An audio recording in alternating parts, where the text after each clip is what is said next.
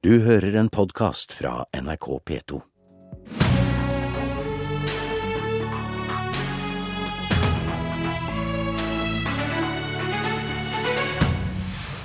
Vi ser et Høyre som har mista sjøltilliten, sier Arbeiderpartiet etter helgas landsmøte. Et blått og et rødt landsmøte er over. Det er tid for oppsummering her i Politisk kvarter. Nestleder i Arbeiderpartiet, Hadia Tajik, du sier at det ser ut som Høyre har mista sjøltilliten i helga. Hva konkret sikta du til? Høyre-landsmøtet viser jo at de endrer jo ikke hovedprioriteringene, eh, hovedprioriteringene sine, nemlig det å eh, kutte i skattene, eh, sånn at de som har mest fra før, òg nyter mest av det. Men de snakker jo heller ikke om de aller største satsingene sine. De har satt norgesrekord i oljepengebruk. De selger ned i statlige selskaper. De vil slippe opp for private skoler, samtidig som de da kutter 12 milliarder kroner årlig i skattene. Og det man jo da ser, er en motreaksjon reaksjon i deres egen landsmøtesal. Ordførere, distriktsrepresentanter, som vil sette sin virkelighet og sin hverdag på dagsorden. Og som jo krever av eh, sitt eget parti og sin egen regjering at de kompenserer de for de inntektene eh, som eh, de kunne ha fått og burde ha fått. Sånn at men også det satte jo eh, norgesrekord i oljepengebruk da det satt i regjering, og eh, det var vel ikke det det skrøt mest av. Hadde du virkelig venta det at eh, Høyre ville snakke veldig mye om dette på sitt eget landsmøte? Jeg hadde forventa at de ville snakke om det som er hovedprioriteringene deres, som handler om hvor de ønsker å ta landet, og hva som er den store verdiforskjellen mellom Høyre og Arbeiderpartiet, og som jo òg handler om at de kutter i skattene. Det betyr jo òg at de har mindre penger til det som er viktig for folk og viktig for kommunene, viktig for ordføreren deres. Det er jo òg noe av grunnen til tror jeg, at salen tok så tydelig til motmæle mot Høyre, mot Bent Høie, mot Erna Solberg, og sa at vi klarer ikke dette. Utdanningsforbundet har hatt en gjennomgang av hva dette betyr i praksis, og 80 eh, av kommunene sier at dette er noe som vil gå utover grunnskolene, at det er der en del av kuttene vil bli tatt. Og det er jo det som bekymrer Høyre sitt landsmøte. Høyre sitt landsmøte ber jo faktisk Høyre om å løse problemer som Høyre sjøl har skapt. Bent Høie, eh, nestleder Høyre, hvordan eh, står det til med sjøltilliten? Ja, Den er veldig god for alle de som var til stede på Høyres landsmøte, i motsetning til eh, Tajik. Så, så, fikk han jo med seg der at det var jo et landsmøte som strutta selvtillit. Det var så mange ordførere som er ordførere, som sa de skulle bli ordførere, som var på talerstolen. at eh, etter valget så vil det ikke være bare over halvparten av landets befolkning som bor i en høyrestyrt kommune, men eh, det virker som målet deres er at hele landets befolkning skal bo i en høyrestyrt eh, kommune. Og, ja, meningsmålingene tyder jo ikke helt på det. Jo, det er veldig gode meningsmålinger òg for, for, Høyre. Og ikke minst når folk blir spurt om hva en ønsker å stemme på ved, ved lokalvalget til høsten. Det er fordi mange, over halvparten av landets befolkning bor i en høyrestyrt kommune, som er veldig fornøyd med Høyre og Høyre som, som, som leder, leder an i Kommune-Norge. Så er det jo sånn at det var jo nettopp Høyres eh, viktigste saker som òg var oppe på eh, landsmøtet. Eh, vi vedtok f.eks. For et forsterka innsats til å løfte eldreomsorgen i Norge. Det som Høyre har gjort når det gjelder skole, nemlig at det som er viktigst for kvaliteten i skolen, er lærerens kompetanse. Det blir òg noe av det neste løftet i eldreomsorgen. Det som er viktigst for den kvaliteten som eldre møter i, i omsorgen, det er kompetansen hos de som jobber der. Derfor vedtok f.eks. Høyres landsmøte å reversere det Arbeiderpartiet gjorde i regjering sist, nemlig å ta vekk kravet til kommunene om kompetanse i eldreomsorgen. Nå blir det igjen innført krav til kompetanse, nettopp fordi vi skal ikke møte det økende antall eldre med svekka kvalitet i eldreomsorgen, som det virker som er Arbeiderpartiet sin politikk. Men uh, som Tajik uh, nevnte, så var distriktspolitikk uh, viktig på dette landsmøtet. Og kommunene har lenge kommet med krav om å få kompensert skattesvikten. Regjeringa har til nå sagt vi må vente og se, men under Høyre sitt landsmøte så ble det vedtatt et krav om at regjeringa må kompensere denne skattesvikten. Noe Arbeiderpartiet har gått inn for siden i høst. Og Bent Høie tvinga nå landsmøtet eh, Høyre til å gjøre som Arbeiderpartiet har eh, villet? Nei, dette er ikke noe tvang, som en uh, sier. Så var dette et, forslag som hele Høyre stilte seg bak, uh, inkludert hele, hele, regjeringen. Og Det dette handler om, er jo et skattesvikt som er kommet som resultat av f.eks. nedgang i oljeprisen. At færre mennesker tjener så mye som en gjorde, gjorde tidligere.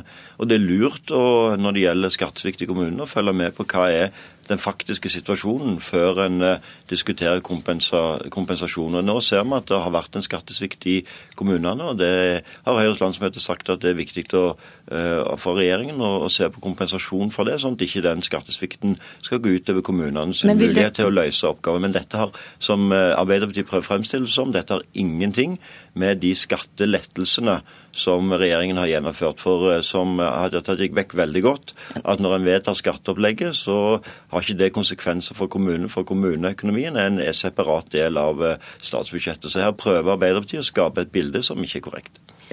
Jeg skulle ønske at eh, regjeringen og Høyre hadde et mer langsiktig syn på kommunenes økonomi. For det er viktig at de har ordentlige og gode rammer, for det er der velferdstilbudene til altså innbyggerne møter velferdstilbudene først. På skole, på eldreomsorg, på helse. Og realiteten er jo at de med sine budsjetter har lagt opp til 5 milliarder kroner mindre til kommunene enn det Arbeiderpartiet la opp til i våre alternative budsjetter. Og det er jo den, denne type fakta som deres egne ordfører, deres egne distriktsrepresentanter tar til motmæle mot, fordi det ser at det går utover kvaliteten på eldreomsorgen, på skolene, eh, på alt det som har betydning for at man kan få en god start på livet og leve gode liv der man bor. Fakta er at eh, den veksten som har vært i kommuneøkonomien under Høyre- og Fremskrittsparti-regjeringen, har vært på, helt på nivå med det som man var eh, når Arbeiderpartiet satt i, i regjering. Vi har sagt at det er lurt å se i en situasjon der, der kommunene har fått mer inntekter enn det som prognosen har vært, gjennom at det har vært veldig god utvikling i økonomien. Eh, nå så vi i høst at det, det kunne snu, men det var òg lurt å følge med på det. Det er jo ikke sånn at kommunene blir fratatt pengene når de får for mye. Derfor er det ikke et automatikk i at de blir kompensert når skatteinntektene går ned. Men hvis skatteinntektene går såpass ned at det kan gå utover velferdsoppgavene, så er det lurt av staten å vurdere å kompensere. Det er det nå regjeringen skal gjøre. Men et litt kort svar på dette, Høie. Vil dere reversere skattesvikten fullt ut? Ja, Det er noe som vi kommer tilbake igjen til i eh, revidert eh, budsjett, på måten dette skal gjøres eh, på. Men Høyres landsmøte og et samla Høyre mente at det er viktig nå å se at når skattesvikten er såpass stor, så må man òg se på kompensasjon. Mm. Det gode gamle bunadshøyre, eller bygdehøyre, mangla iallfall ikke sjøltillit i helga. De fikk, mot partiledelsen sin vilje, gjennom et vedtak om at nye statlige arbeidsplasser skal etableres utenfor Oslo. Og landsmøtet vedtok at det skal være gode og trygge trygge medisinske tilbud over hele landet, og ikke unødvendig sentralisering. Og Høie, hvordan konkret ser du for deg at dette skal følges opp? Ja, Dette vil jo vi følge opp i, i regjering. og Det var ikke noen motsetning mellom det som ble vedtatt og det som også var foreslått. Det her var det bare en nyanse i, i forskjellen. fordi vi er opptatt av at eh, kan statlige arbeidsplasser eh, lokaliseres eh, utenfor Oslo, så er det lurt. Jeg har selv gjort det når vi har etablert statlige selskaper i, i helseforetakene. Det nasjonale helse-IKT-selskapet er plassert til, Bergen. Det nasjonale byggeselskapet er plassert til Trondheim. Og det er lurt å bidra til vekst i hele landet. Og Det var nettopp det som òg eh, den resolusjonen om, om, vekst i hele landet som Høyres ledelse inviterte Høyres landsmøte til å diskutere og vedta, som var hovedgrepet. Og Det gjør vi på mange måter, ikke bare med statlige mm. arbeidsplasser, men ikke minst med den formidable satsingen på veier og infrastruktur, som jo er det viktigste kanskje for å sikre nettopp å få vekstkraften ut i hele landet og i distriktene. Ei sentraliseringsivrig Høyre-leiing har fått refs, sier du, Tartik? Ja, den sentraliseringsiveren som eh, Erna Solberg har vist i regjering, er jo noe som har fått eh, et korreks kan du si, på landsmøtet til Høyre. De tar jo tydelig til motmæle eh, på dette området. Både på helse, ja, på statlige arbeidsplasser. Politireform var jo òg noe av det som ble diskutert på landsmøtet deres. Det viser jo at den retorikken som de har ført i regjering, ikke engang er noe som Høyre, lokalt Høyre sine egne representanter har latt seg overbevise av.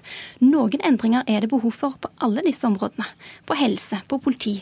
Men det, det vi ser, er at Høyre har satt i gang endringer som de ikke har klart å begrunne på en tydelig måte. Eh, som har eh, skapt mye uro, frykt og usikkerhet, og som mangler en forankring. Faktisk så til de grader at det har måttet bli et tema på deres eget landsmøte.